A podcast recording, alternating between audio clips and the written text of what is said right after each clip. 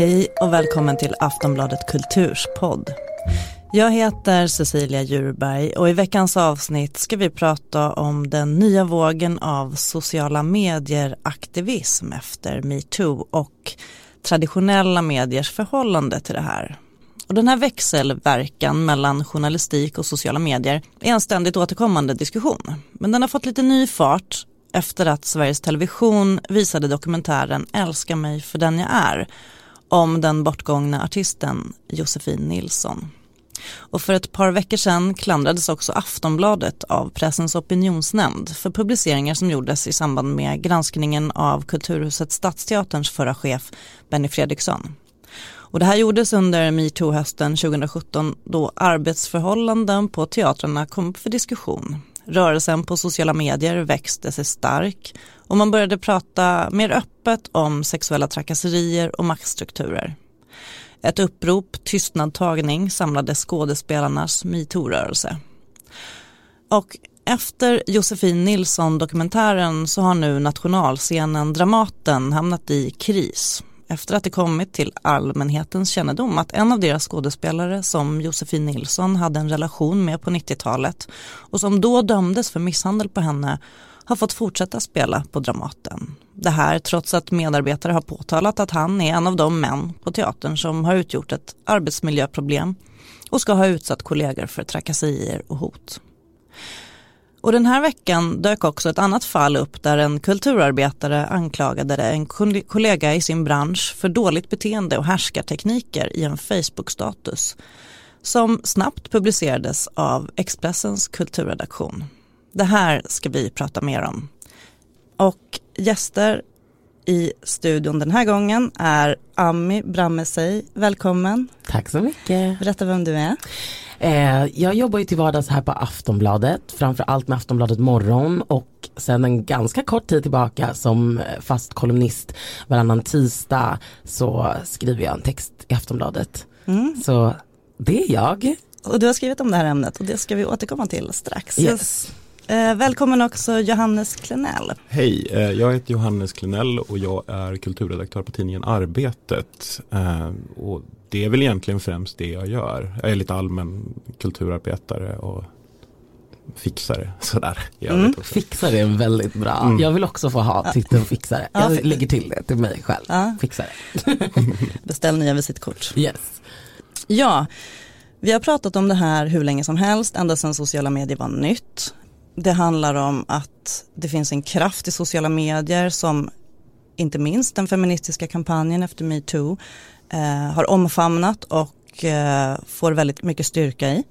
Eh, och de traditionella medierna har fortfarande sitt regelverk, pressetiken, att förhålla sig till. Men naturligtvis vill traditionella medier rapportera om det som händer. Men då jämfört med sociala medierna där man berättar sin egen historia eh, och diskuterar det som man tycker är viktigt så har ju traditionella medier eh, behöver förhålla sig till hur stort är allmänintresset för eh, det man publicerar. Och den här veckan nu när vi spelar in då eh, har det här aktualiserats igen i en, eh, ett annat fall eh, som inte allmänheten kände till där kulturarbetaren Laven Motadi hade skrivit en Facebook-status om hur hon hade upplevt en eh, filminspelning och och eh, går till hårt angrepp mot en kollega. Eh, det som hände med den här Facebook-statusen var då att Expressen Kultur valde att publicera den och eh, namnge den här personen. Och då skrev du en kommentar nyligen, Johannes. Ja, alltså det, det blir ju lite så här, alltså, det, det, finns ju en absurditet i, i, i, i att, att gå in i det här på så många plan. Jag, jag, har jobbat på förlaget där den ena parten har varit författare. Jag har varit författare på det förlag där den andra parten är förläggare. Jag är bekant med båda på något plan. Så, så, så den biten håller jag mig liksom ifrån på något sätt. Men, men, men det, det jag fascinerades av var att, att sociala medier skötte sig bättre än de etablerade i det här fallet. Eftersom vi har haft så många diskussioner om det här fallet, liksom med namnpubliceringar och hur vi ska förhålla oss för, till det i, i traditionell media. Och här ser vi ett omvänt exempel. Det är väldigt intressant där, där den jag menar visst, det, många har den här föreställningen om att, att man kan googla, det är så lätt att ta reda på vem personen är. Men de flesta gör faktiskt inte det. Det är ett ganska effektivt filter för mm. att inte hänga ut någon. Alltså det, det, är bara vi som bryr oss som gör det och inte ens jag har slutat med det. Alltså så, för jag orkar inte riktigt bry mig längre. Uh, jag, jag, läser berättelserna som vad de är. Det är en stark personlig berättelse, en upplevelse. Sen går det skitsnack såklart, men, men, men för en klar majoritet av Sveriges befolkning så är det faktiskt inte så. De hänger inte på Flashback. De, de går inte till de olika skvallerkanalerna. De vet inte vilken film det handlar om. Alltså mm. på riktigt så är det liksom och, och där fascineras jag över att man då från Expressens sida väljer att ta upp den här texten till att börja med namnpublicera och sen inte ens kontakta den andra parten för att fråga vad hans historia är. Precis, det var, även om eh, man läser en stark berättelse och man tycker att någonting är väldigt förfärligt så vi som jobbar med det här, vi vet ju, vi har ju det liksom i oss att vi vet att det finns en större historia. Eh, de flesta människor vet nog också det, men när man läser en ensidig berättelse så blir det ju en historia. Men jag har en teori om, jag vet inte om ni håller med mig, men om att traditionella medier har blivit mycket, mycket mer personfixerade. Eh, vi berättar om människor i första hand och kändisar gärna. För, alltså det liksom går före ämnet, förstår ni vad jag menar? Att det är liksom människor som bär en historia. Den där personifieringen av eh, journalistiken och medier, allt ifrån när det började bli större och större bylines på kolumnister liksom någon gång på 90-talet Eh, och nu är det också mycket influencers, alltså en influencer eller en kändis kan ha gjort någonting som inte är så väldigt anmärkningsvärt men det personen har gjort någonting, är liksom nyhetsvinkeln. Eh, jag tänkte på det här fallet att det kanske tenderar att man kommer ifrån den viktiga principdiskussionen om till exempel som den här texten handlade om härskartekniker och vilka strukturer då som kanske ligger bakom en konflikt om det nu var så. Eh, ja, men du skrev ju en kolumn nu apropå eh, Josefin Nilsson dokumentären och efter debatten där du gick i, eh, replikerade Ann Heberlein. Mm. Eh, där pratade du om Kändisarnas? Ja, kändisarnas eh, ändå, varför det är viktigt att kändisarna liksom går ut och, ja men där påminner jag om hur metoo ändå blev så stort. Metoo som var en, en rörelse som startade liksom 2006 egentligen med Tarana Burkes arbete för sexualbrottsoffer. Men det var ju inte förrän 2017 som metoo blev det som metoo liksom är idag. Alltså den enorma revolution som det blev och det var ju faktiskt i och med Hollywood-kändisarnas, liksom att de började hänga ut sina förövare och, och så som vi, ja, alla vet vad metoo är. Behöver inte sitta här och mansplaina metoo.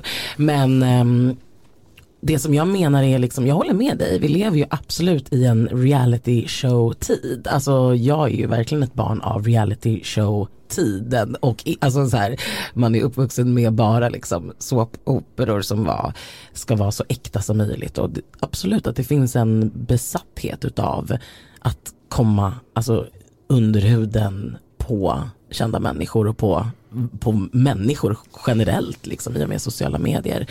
Och jag tror absolut att de traditionella medierna liksom ha, har hakat i där. Men jag tänker ändå att det fortfarande finns ett värde om det här är bortom namnpublicering för det får vi prata vidare om sen men att det finns ett värde att lyfta de här exempel på utifrån kända personer men att man tar det vidare hela tiden. Så som jag tycker att vi på Aftonbladet till exempel har gjort gällande eh, Josefin Nilsson dokumentären. Alla har sett den, folk är upprörda, folk brinner för Josefin. Vi skriver såklart om det här på olika sätt men har också intervjuat massa andra anonyma vanlisar, icke-kändisar mm.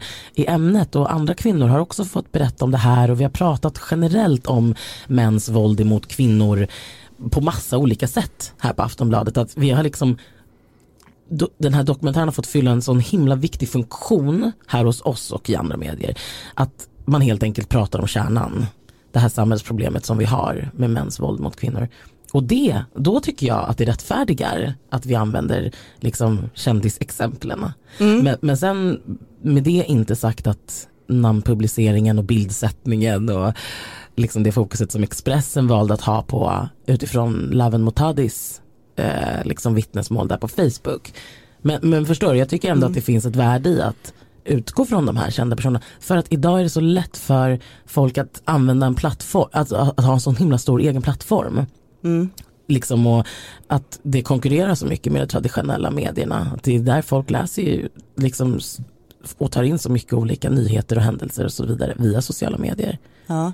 Men absolut, alltså vi har ju det här stora ansvaret i hur vi ska förvalta det och jag är med där att det är märkligt att Lavens text var originaltexten var ju helt utan att skriva något namn, utan att hålla fokus kring det viktiga i texten. Liksom.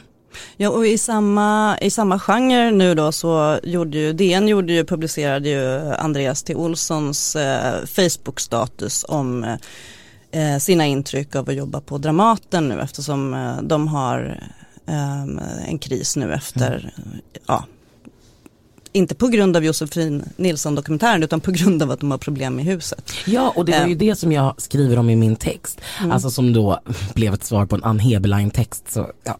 Men jag tror tyvärr att det hon representerar, eller och utifrån vad jag såg igen på sociala medier men en text som delades väldigt mycket och läste kommentarer folk svarade och tyckte att äh, men det är en fixering vid Dramaten, det här är helt bisarrt, varför ska alla veta hur de jobbar där liksom? Och att man till och med där i liksom skiter i de ja men eh, liksom tusen och åter tusentals kvinnor som utsätts för våld i hemmet som inte är kändisar och inte jobbar på Dramaten. Och det håller jag verkligen inte med om. Där tycker jag att det är tvärtom.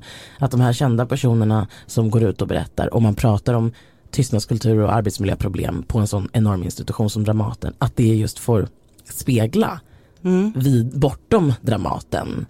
Alltså precis som det var med metoo, det mm. fick ju liksom alla andra att haka på.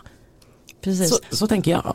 Men en, en, sak som man kan fundera över, när man tar eh, som redaktion då en Facebook-status och publicerar i princip rakt av, eh, då köper man ju den berättelsen eh, okommenterad eh, kan man säga. Och det var ju lite det som, som var som, som man kan ifrågasätta då med Expressens publicering.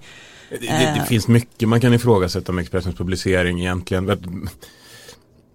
jag, jag tänker att, att det, det, det, finns vi pratar så mycket på redaktionerna om hur ska vi förhålla oss till sociala medier, vad, hur har det förändrat de traditionella medierna.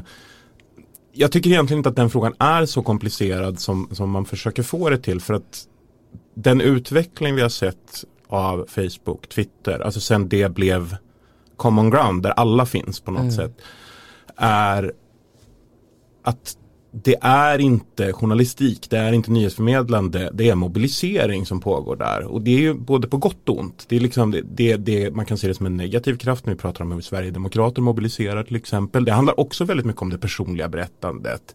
Kvinna misshandlad av invandrargäng i liten ort någonstans. Alltså så här. Mm och, och det, det, är väl det som är det vi måste förhålla oss till också att den här personliga berättelsen är inte allt. För den personliga berättelsen är det starkaste verktyg vi kan använda på sociala medier. För att när jag läste Lavens text till exempel så började jag direkt tänka på kränkningar jag har utsatts för. Jag reflekterar mig i den texten och tänker direkt jag borde berätta om de här människorna som har utsatt mig för de här sakerna genom åren. Hur jag har blivit osynliggjord, hur jag, folk har stulit mitt arbete och så. Sen så kopplade liksom publicisten i mig in och, och tänkte att nej det borde jag kanske inte alls för flera av dem upplever kanske att jag har gjort samma sak mot dem. Alltså, eh, och, och, vad leder det till i förlängningen? Hur skulle en sån text se ut? Hur skulle den vara utformad? Men det är ju mitt förhållningssätt till det här och det är ju för att jag tycker att mitt, min upp, mitt uppdrag är att ta det här till nästa nivå. Att faktiskt titta på den här mobiliseringen som vad är det för någonting? Vad är det som pågår här? Hur ska man förhålla sig till det? Vad är den andra sidan av saken? Um, men jag tänker liksom, ja men precis jag förstår det och det är ju då ditt jobb som publicist mm. och liksom därför så ska du ha den hatten på dig. Eh, men liksom, och, och, då borde man ha haft det på Expressen också. Ja. Men, och, det, men, och värdet i Lovens text är ju att hon berättar ju, det är ju inte för inte som hon berättar det här nu. Nej. Alltså det pågår ju just nu en stor jätteviktig debatt som eh, liksom flera av de här grejerna som hon har upplevt. Det är ju det här handlar om. Hur hon som liksom både rasifierad och kvinna eh, in i den här filmvärlden tillsammans med den här personen som liksom är mer erfaren i filmvärlden och är ett namn i den här liksom film och dokumentärvärlden. Alltså det är ju det, det är, där, det är därför hon berättar. Mm. Hon berättar ju inte bara för att man har varit med om kaffa kollegor liksom. För Ja, det och- har vi alla. Och den, den blir ju uppmärksammad för att jag menar, nu ska man ju inte stoppa äpplen och päron men strukturerna, eh, berättelsen om strukturerna är densamma Mm. men hon pratar inte om fysiskt våld eller sexövergrepp som har varit de liksom, brinnande punkterna. Nej, eh, hon ti- pratar ju om någonting och det är det, alltså just eh, Lawen Motadi också, så jag tycker hon, alltså, men hon skriver ju så jäkla bra och hon lyckas liksom sätta fingret på de här nyanserna och det som härskartekniker är som är något helt osynligt för de flesta och som är så himla svårt, alltså den som har upplevt att utsättas för härskartekniker vet ju hur vidrigt det är för det är väldigt svårt att bevisa så att säga för någon annan. Och ibland kommer man på det först efteråt. Ja, precis. Eh, en tid efteråt. Eller varför, varför mår jag så dåligt? Eller varför blev den personen så ledsen när man själv kanske har fallit in i någonting. Mm. Eh, men just det då att man inte får höra, för man kan tänka sig att ett filmtid är liksom många personer och så får man inte höra någonting om den andra berättelsen. Eh, jag brukar ju säga att jag tycker att sociala medier inte är någonting annat, alltså det är en plattform. Eh, folk gör, eh, bygger sina personliga varumärken, det är PR, men som publicist, som journalist så måste man ju behandla det som en källa. Eh, jag brukar säga att Twitter är en telefon som många kan läsa samtalet medan det pågår. Eh, och om jag som journalist inte svarar på tilltal på Twitter är det som att jag inte svarar i telefon och då kanske jag missar viktig information. Men det är en källa eh, som man kan använda sig av och utifrån de här berättelserna bygga en historia. Eh, men de här, när det liksom, det finns ju ett problem i journalistik att en artikel blir en punkt, en fixpunkt som många pratar runt.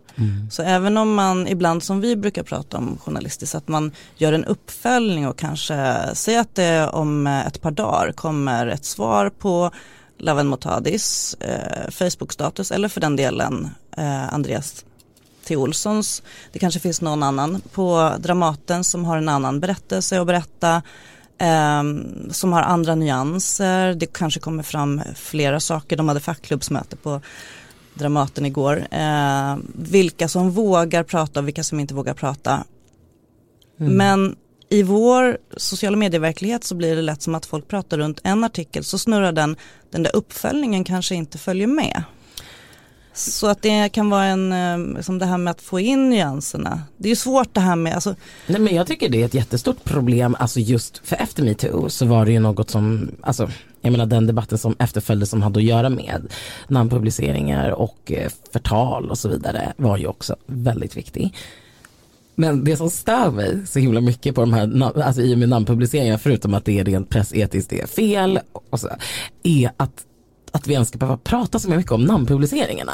Alltså jag vill ju bara prata om det som var kärnan i de här texterna, det som var kärnan i metoo. Jag vill inte sitta och prata om namnpubliceringar. Det är så himla liksom, tråkigt, alltså förlåt nu pratar vi om det här, men det är så tråkigt att det ska att det hamnar där i. Och att folk som, jag har upplevt många gånger att folk som kanske inte är helt liksom down med metoo-revolutionen och som ja, ser massa olika problem med det, ty, liksom kan väldigt lätt välja att bara prata om att ah, men det var fel för man namnpublicerade, det var fel för det var förtal. Man Okej, kan- man- Men det har ju fortfarande hänt. ja, man kan ju vara konspiratorisk och tro att de, det finns de som driver frågan som ska flytta fokus från ämnet. Jag menar det. Eh, någonting väldigt viktigt som, som jag brukar tänka på som redaktör när folk vill skriva en debatttext är så här, men ha nu tätt mellan de här, de här luckorna så att fokus hamnar på ämnet, inte på att du slarvade med en siffra till exempel. För att det vet man om, om man vill driva en tes. Eh, och feminism är ju ett sånt extremt laddat ämne, alltså polariserat. Eh, så har man det minsta fel, nu har det ju blossat upp en debatt efter Michael Jackson-dokumentären. Eh, nu driver ju de som hävdar att det inte stämmer, att det finns faktafel i den. Mm. Och risken är ju liksom att diskussionen om övergrepp mot barn, som det här ändå väckte, och sen så kändiskulten, liksom bara dammar bort och nu handlar det om att journalistiken eller dokumentärskapare är slarviga eller försöker förvränga sanningen och hela fake news-patrullen kommer. Fast får jag säga en sak? Det, jag tycker att det finns ett problem med att man stirrar sig blind på just de här personliga berättelserna från den traditionella journalistiken och att man känner sig hotad av det. Jag har aldrig upplevt det. Jag har upplevt att det har gått alldeles utmärkt att publicera ordentligt lästa nyanserade texter i efterhand. Där man har försökt föra en diskussion där man har liksom försökt vara inkännande i liksom vad är det som händer här, vad är det för människor vi ser, hur fungerar mänskliga relationer. Jag skulle säga att det är bland de mest lästa texterna på min egen kultursida har handlat om att just försöka hitta de där balanserna. Menar du debatttexter då, eller reportage? Eller? Mer reflekterande texter kring ja. vad det är som pågår, att man har återgett kanske frågat fler personer, alltså tagit in fler perspektiv, ibland i liksom en debatterande form. Men, men vi, vi, pratar väldigt mycket om att det är så omöjligt att, att säga något annat, att vi lever i en konsensuskultur. Jag har liksom jag fattar vad folk menar jättemycket. Men, men, men jag har också upplevt att det finns en oro för den där konsensuskulturen som är mycket större än själva konsensuskulturen också. Mm. Framförallt inom journalistiken. Uh, för att vi är oroliga, för att vi upplever att vi har sviktande siffror, att vi försöker förhålla oss till ett nytt sätt att publicera oss som är digitalt där det helt plötsligt blir väldigt viktigt med klicken istället för den publicistiska idén i hela tidningen men, men, men jag, jag, tycker när, i den där oron så finns det någon sorts fråga där hur ska vi förhålla oss till det här? Ja men vi ska väl vara bättre. Texterna ska vara bättre.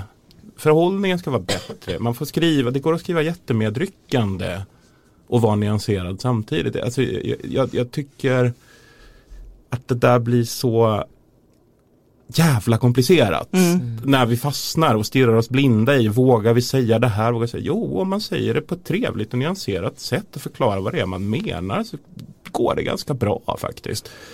Och, och de flesta lyssnar, de flesta vill faktiskt prata med varandra om de här sakerna mm. på ett högre plan. Tänker ja. jag. Ja men precis och jag har, jag har, tänkt, jag har bevakat de här frågorna med journalistikens utveckling och liksom förhållandet mellan sociala medier, traditionella medier och digitaliseringen i liksom tio år och känns mm. som att det, vi pratar om samma sak. Mm. Och jag brukar ofta säga att man får inte glömma att vem var det som satte igång debatten efter eh, alltså om Josefin Nilsson, ja det var SVT, traditionell medie kanal som publicerar en dokumentär som är gjord enligt liksom, publicistiska regler eh, som sätter igång hela den där debatten på sociala medier. Eh, Metoo eh, började alltså tidigare 2006 men fick inte fart förrän hösten 2017 då det var en stor nyhet mm. eh, om den här producenten som mm eh, blev anklagad som blev en stor nyhet i traditionella medier och sen sätter det igång. Så att, eh, det här när vi är så ängsliga för att vi måste hänga med i vad pratar de om på sociala medier så om man börjar spåra tillbaka i den här liksom ekosystemet så är det ofta traditionella medier som gör att det får en legitimitet. Alltså vi plockar upp någonting och säger att ja, det ni skriver om är viktigt. Life is made up of many gorgeous moments. Cherish them all, big and small, with Blue Nile. Whether it's for yourself or a loved one, Blue Nile's unrivaled selection of expertly crafted fine jewelry and statement pieces help make all your moments sparkle. Blue Nile's experts are on hand to guide you, and their diamond guarantee ensures you get the highest quality at the best price. Celebrate a life well lived in the most radiant way and save up to 30% at BlueNile.com. That's BlueNile.com. I Weinsteins fall är det också så att det låg ett långt gediget journalistiskt arbete bakom det som hände. Det, det, det glöms rätt lätt bort att man tänker att det bara var vittnesmål på sociala medier. Det var det ju inte alls utan det var ju liksom helt förankrat när de valde att publicera det gäller ju rätt många av de här fallen som vi diskuterar just nu också. Det finns ju faktiskt ganska mycket bevisföring i flera av de personfall vi, vi pratar om. Alltså det finns, fäll, det finns fällande domar, det finns mm. bandade inspelningar, det finns telefonsvararmeddelanden. Alltså,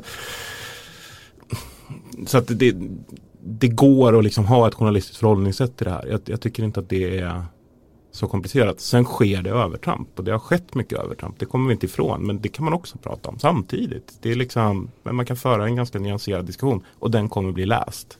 Jag tycker ju ofta att, um, jag tycker att det har blivit mer sansade eh, diskussioner. Alltså det är inte eh, i journalistbranschen, alltså på redaktionerna är det inte riktigt lika så oj oj oj vad hände på sociala medier som det var för kanske två, tre, fyra, fem år sedan. Då, då var det ju liksom, då publicerades det ju Twitter-statusar rakt av.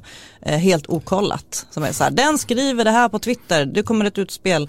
Eh, oj då, det var ett trollkonto, oj det var ett fejkkonto. Så här, alltså, alltså, så, det där är verkligen också så här vuxna, alltså du vet lite äldre generation på sociala medier, är det inte det? ja, Jo, det har hänt något på internet. Oj, vad händer på nätet? alltså det är ju lite roligt. Nej men också liksom reportrar börjar bli bättre på att verifiera källor och sådär. Ja. Men fortfarande så går det ju väldigt fort. Mm.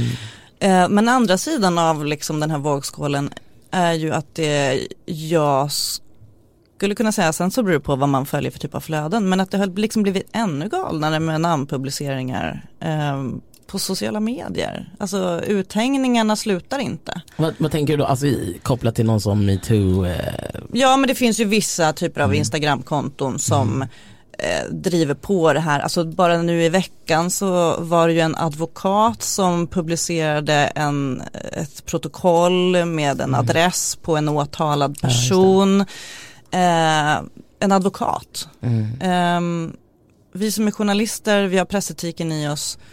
Ehm, men det finns ändå en helt annan, det är som en annan jag, jag undrar om det liksom, är det ett försök, alltså man brukar säga att, att ehm, sociala medierna liksom påverkar redaktionerna, trycker på det här att, och vissa diskussioner om namnpubliceringar, bara för att ta det som ett exempel. Där pratar man ju om att ehm, Ja men det, det, alla vet ju redan. Eh, de har ju skrivit det där och där och där som att det är en ursäkt och det är ju det det inte ska vara. Um. Ja, nej, men, alltså, oj, men jag tänker just när det är, förutom, förutom den här advokaten då som såklart känner till reglerna gällande förtal, så det var ju anmärkningsvärt. Men ehm, gemene man tror jag inte vet så mycket om reglerna kring förtal och framför allt det här, alltså sen kan man ty- jag, jag säger inte att jag är för eh, liksom uthängningar för den sakens skull, men jag menar bara att jag, jag tror också många av sådana fall handlar om att folk faktiskt inte vet nej, att du får inte, eller vad förtal är helt enkelt. Det var därför det var så intressant efter metoo. Eh, och i och med kanske mycket gällande Cissi Wallin eh, och liksom det, den utredningen. Så tror jag folk var jätte, liksom, det var ett uppvaknande kring vad förtal faktiskt är för Mm. någonting. Ja men alltså för, för en helt annan regel som inte har med metoo att göra, eller som kan ha med det att göra. Men alltså det finns ju regel om vad man får publicera och inte på internet, alltså upphovsrättsregler är ju Mm. också en sån sak som gemene man inte, alltså hela den här EU-direktivet grejen, det är så här, men det är helt galet, varför ska jag inte få Mm. eh, sno bilder och publicera hur jag vill? Det är så här, nej men det har du egentligen aldrig fått göra, men det har liksom på något sätt Alltså det har varit fritt fall i några år. Jag tänkte själv på sen när jag började med Instagram, bara, vad ska jag ha Instagram på för jag vill säga 2012 tror jag, reggade kontot. Jag är ju ingen fotograf. Eh, eh, alltså jag tänkte att det var ett bildmedium. Alltså, ja, Jag ja, nej, förhåller men, mig fortfarande så till det faktiskt. ja. Att du Eh, inte är fotograf. Nej men och sen, så, och sen så kanske liksom att jag inte riktigt känner mig bekväm att lägga ut för mycket selfies. Så, jag sa, vad ska jag ta bilder på? Och sen så plötsligt så börjar man liksom så här, jag hittade en kul grej och skärmdumpade där. Och så här, men, men det får jag ju inte göra, det skulle jag inte få göra i tidningen. Så här, Ja, men du, ja, precis. Och då är ju du en journalist som sitter och tänker Men så. att jag har ju flyttat på det men Det är där. ju inte folk. det är ju ingen som har ringt mig och sagt att jag har snott någon, något roligt mem någonstans som Nej. bygger på en bild som en fotograf har upphovsrätt till. Eh, Men förtal är samtidigt ju det skönt lite att värre. folk inte tänker så hela tiden heller. Alltså då, du får ju gärna göra det som journalist och advokaten kanske borde tänkt på det där med. Men liksom, jag, jag kan också tycka att det, det finns ju också en positiv sida av att folk inte sitter och liksom tänker enligt liksom alla dessa lagar och regler när de är på internet. Alltså förstår du? Tycker du att jag är lite anal? Lite. Alltså ni båda två, för det, det hela grejen var, jag är inte fotograf. Alltså förstår du, det, är ändå, det där är en generationsskillnad också. Även om jag inte säger, alltså det, det kanske inte är rätt det som många unga gör, men det, är- det är också, det vore ju trist om alla bara följde alla regler på, på www, eller? Men till exempel så har det ju varit sådana fall, alltså man kan använda, då kan man använda lagen som ett maktmedel. Om någon har stulit en bild och publicerat för att det här är ett viktigt källmaterial eh, och sen så blir det en diskussion om eh, den här tidningen snodde den här bilden från Instagram för att visa som en, eh, ja, som en källa för att det här har hänt eller någonting gick snett. Så den personen som äger bilden sätter igång och processar tillbaka. Så blir det en debatt om att återigen att tidningarna har gjort fel. Mm. Eh, sen finns det vissa undantag i. Mm. Eh, för tidningar får göra på ett visst sätt. Men, eh, men att det blir som, du vet, Mm. Diskussionen hamnar från ämnet. Och. Eh, om man vill prata om, tänker jag, strukturer, eh, berätta vittnesmål och sånt. Är det så att en namnpublicering börjar det handla om om den här personen har förtalat den här personen eller inte? Pratar vi då fortfarande, pratar vi om strukturerna och problemen? Eller börjar vi Mm. prata om någonting annat? Jag, Eller jag, både och. jag tänker att, att det, det är lite som Ami säger men, men på ett annat plan här. För att det är en sak vi glömmer ganska lätt med sociala medier eh, är att jag tillhör kanske den sista generationen som minns tiden före internet. Mm. Alltså väl, Ja, för att när jag var 15 var då internet lanserades i Sverige. Så jag är precis liksom i skärpunkten mittemellan. Så jag har ju följt liksom sociala mediers utveckling fast från ett lite föråldrat perspektiv. Jag är kanske Mm. fem år för gammal egentligen. För att ha varit med de första. Jag hade inte skunk till exempel för att det var unga människor som höll på med det. Utan det kom jag in på ganska sent. Men jag använde helgon till exempel. Ah, yes. Eh, Jag har också varit på helgon. Helgon, oh God. och var en av de första som gick på Facebook. Utifrån det. Jag hade den här mellanperioden på MySpace som många hade och sen så direkt över dit. Grejen är att det är inte så länge sedan. Nej. Det är 2007 tror jag som, som det händer. Mm. Det är först 2011 som alla är på Facebook. Det är bara åtta år sedan. Ja, det var länge det var en dödtid där också. Ja. Men, men, 2009 skaffade alla journalister Twitter, ja, typ. men, men, men problemet är att det kom liksom en hel drös med människor som var lite för ännu äldre, för gamla för att riktigt fatta hur språket var utvecklat på Mm. sociala medier. Och den yngre generationen var inte beredd på att det kom en äldre generation. Att, att helt plötsligt blev saker som kanske var ganska interna från början extremt offentliga. Ja. Mm. Och vi är inte riktigt överens om rikt än hur vi ska prata med varandra i det här helt nya sättet för vår art att kommunicera med varandra. Som är enormt. Och, och, och i det så finns det någonting som jag tror att man ändå måste ha i åtanke och det är det att det sociala har blivit viktigare än någonsin. Att bli skammad socialt idag är ett mycket hårdare straff än vad det var för tio år sedan. För Mm. då kunde du bara sticka till en annan stad eller liksom och så byta liv, gå Ja, vidare. precis. Du kan inte göra det idag.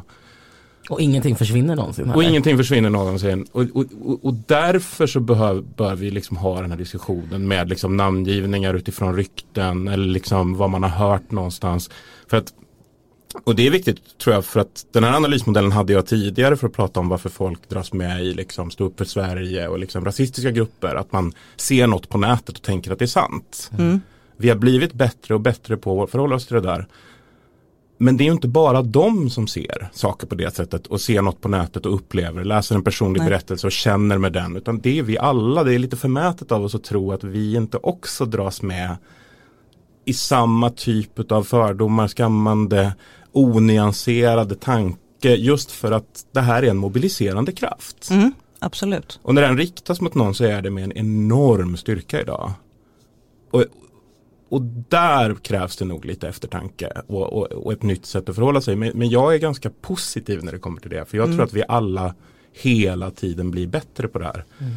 Och s- som du sa, det här det är en generationsfråga. Mm. Jag har ju tonårsbarn. Eh, De är inte alls lika öppna och privata och ute på sociala medier under eget namn. Och eh, eh, jag, jag har upptäckt att min dotter har flera olika trollkonton, eller som jag kallar det för. Nej men alltså hon gör olika saker på olika konton. Ja. Eh, hela överflytten till Snapchat där det inte riktigt går och den här monitorskanningen av vad som händer. Eh, och diskussioner om känsliga frågor flyttar till s- mer eller mindre slutna rum på internet. Vilket också har blivit ett problem, du nämnde de här stå upp-grupperna. Eh, där man säger, oj oj oj, här diskuteras det saker, här, här har vi inte tillgång. Eh, eller som till exempel metoo-grupperna, eh, det är ju ett exempel. Eh, där människor pratade helt fritt i tron om att det här var en sluten grupp. Ja, jo, visst på, med så 1000-1500 medlemmar så är det inte så privat. Men, eh, men liksom, det börjar ändå så röra sig liksom in mot lite mer slutna rum. Eh, man pratar inte rakt ut hela tiden. Men fortfarande gör vissa det och traditionella medier hakar på. Mm. Alltså l- liksom, vi står någonstans med ett ben på varje sida. Om den här, det är någon sorts spricka i, alltså att, att vi ska behöva prata om pressetik efter, alltså förtroendet för medierna är ju, har ju liksom sjunkit delvis. Det är alla diskussioner om källkritik. Eh, den amerikanska presidentens eh, gormande om fake news eh, som påverkar bilden av medier, alltså smutskastningen av nyhetsmedier är ju ett verktyg, ett antidemokratiskt verktyg. Eh, så när vi inte gör rätt så får ju vissa vatten på sin kvarn. Ja, det är där jag tänker att det, det uppstår en konflikt när man inte namnger en fälld Dramatens kodis som där det finns liksom vittnesmål men nästa vecka namnger någon i någonting som faktiskt är ett strukturproblem och en arbetskonflikt. Mm. Men, men inte alls på den nivån.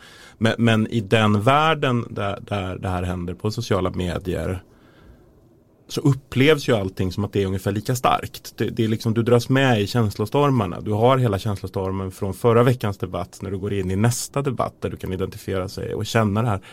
Och det, det var ju också ett av problemen under 2018 att, att det fanns inte riktigt någon sorts proportionerlig idé om vad är det som händer här. Utan väldigt, väldigt grova saker blandades samman med allmänna strukturproblem som också måste tas i tur med och som är en del utav varför de stod, liksom riktigt svåra sakerna händer. Men, men, men där proportionerna tappas och det, jag tror att det är det folk upplever kring till exempel det här med förvirringen kring de här två namnpubliceringarna nu. Varför gör ni det i det ena fallet och inte i det andra? Vad, vad är, då, då måste man vara jättebegriplig med varför man gör det. Mm. Alltså en grundtanke med namnpublicering är ju att oavsett om en person är skyldig till det som man rapporterar om eller inte så har den ju anhöriga mm. till exempel. Eh, och eh, ingenting försvinner på internet. Mm. Eh, och även om det står på andra forum så är ju de traditionella mediernas genomslag eh, mycket, mycket, mycket starkare än vad egentligen ibland de traditionella mediernas företrädare tror. Alltså man tror att det är sociala medier som är styrkan. Men och vi har ett pressetiskt system som vi har kommit överens om. Och om det inte funkar så, så riskerar ju mediebranschen att det kommer lagstiftning. Och då börjar vi ju prata om censur. Mm. Um, ja, så det är mycket som står på spel.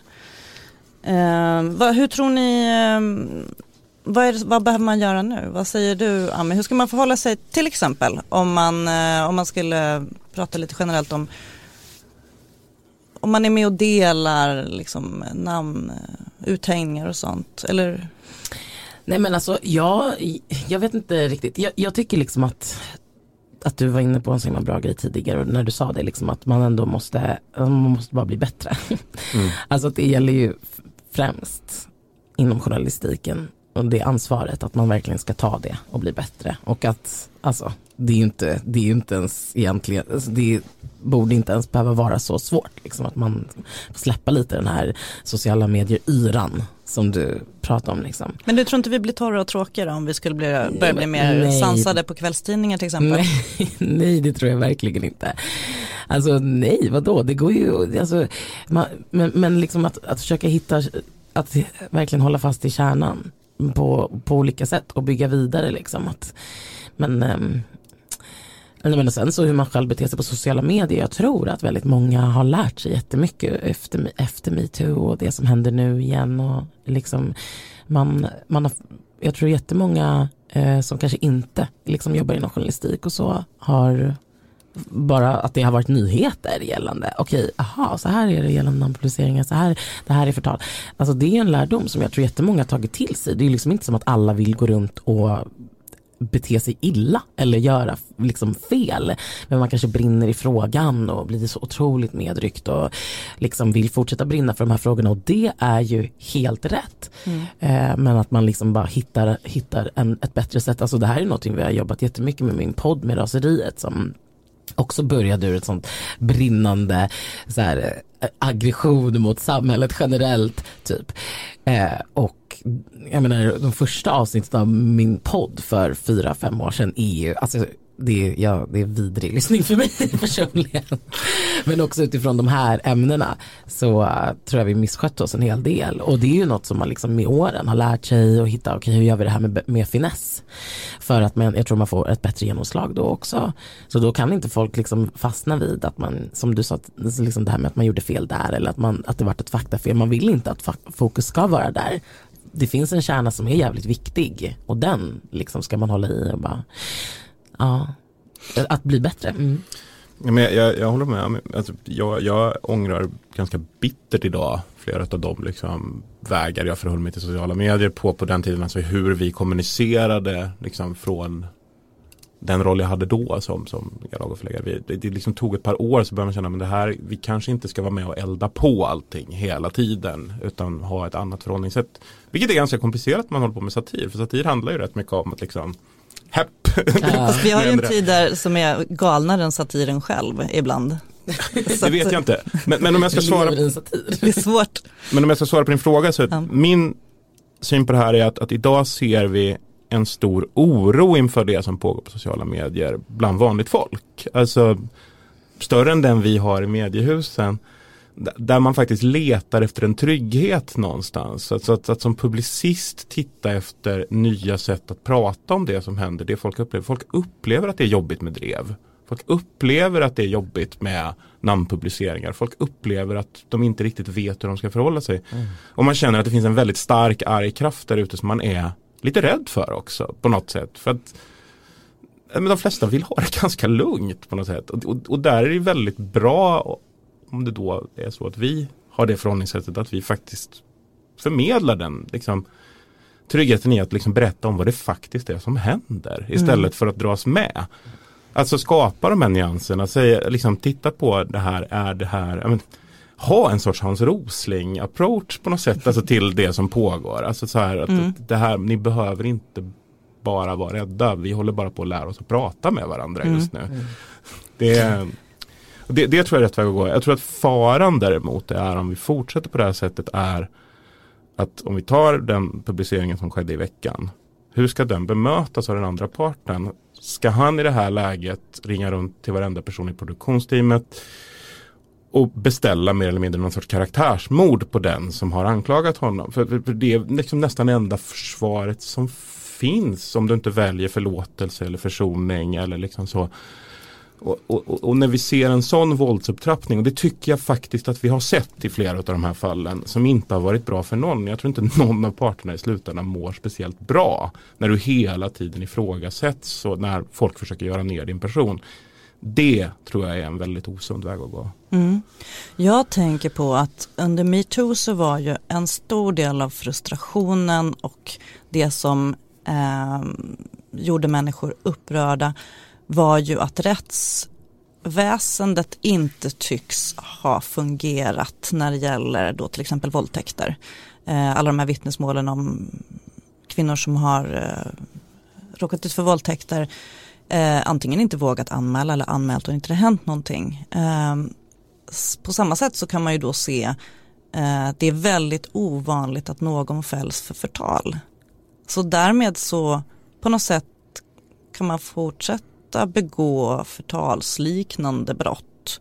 Nu pekar inte jag på någon särskild, men till exempel att hänga ut någon med namn och bild i sociala medier. Som privatperson, då är ju du som privatperson den som är ansvarig för det här och riskerar alltså fängelsestraff om det går så långt. Eh, men hittills har ju ingen, så vitt jag vet, fällts för det. Eh, däremot så puttrar det på eh, med lite sådana processer.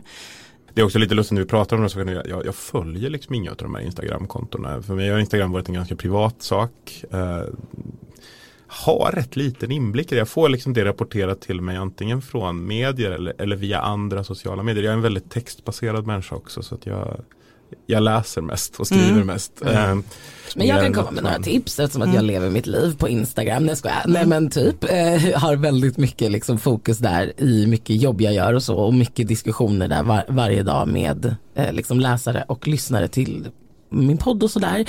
Eh, jag tycker liksom att jag tycker man kan um, att man, man måste verkligen inte ryckas med. Och av en enkel anledning som kan vara att det tar så otroligt mycket energi. Alltså att vissa människor sitter maniskt och liksom debatterar och hänger ut och på ett väldigt aggressivt för sin liksom kamp framåt. Det kan också få stå för dem. Man mm. måste, mm. inte, liksom, man måste inte sitta i kommentarsfält och diskutera med troll. Alltså, jag ser ju ibland hur folk sitter och diskuterar under bilder vi publicerar på raseriet. Så sitter och diskuterar med ett konto så går man in och kollar så är det liksom ett, det är ett trollkonto. Det, mm. det är en anonym människa som är där för att trolla och helt enkelt suga energin ur dig. Om man har liksom ett grundintresse i en politisk fråga eller vad det nu kan vara. Liksom, att bara reflektera igen över hur man förvaltar sin energi kring det här. Alltså mm. hur gör man någonting konstruktivt på riktigt? Ja. Liksom det, kampen som man sysslar med kan ju inte handla om att sitta på internet och läsa och skriva elaka kommentarer till folk. Alltså, det är inte fruktbart. Mm. Jag, jag har ett jättesnabbt tips också som jag har lärt mig genom åren och det är att första känslan man känner intuitivt när någonting sätter igång på sociala medier är nästan alltid fel. Det brukar okay. vara känsla två som är liksom ja. den som är när man har tänkt efter en stund innan man reagerar. Så, så ett hett tips är reagera inte på din intuitiva känsla utan reagera i det du känner en timme senare. Ja men precis, ta en paus, mm. Eh, gå, gå, från, gå från din skärm, ta en, ta en, kaffe, gå tillbaka, kolla och kolla några källor till skulle jag vilja säga. Kolla runt lite, vad är det som har hänt och eh, eh, måste jag vara med i det här eller kan jag bara titta lite. Mm. Vad bra. Tack så jättemycket för att ni var med och pratade om eh, dessa ständigt aktuella ämnen. Annie Bramme sig och Johannes Klenell. Tack. Eh, jag heter Cecilia Djurberg och tack så mycket för att du har lyssnat på Aftonbladet Kulturs podd. Vi hörs snart igen. Hej då.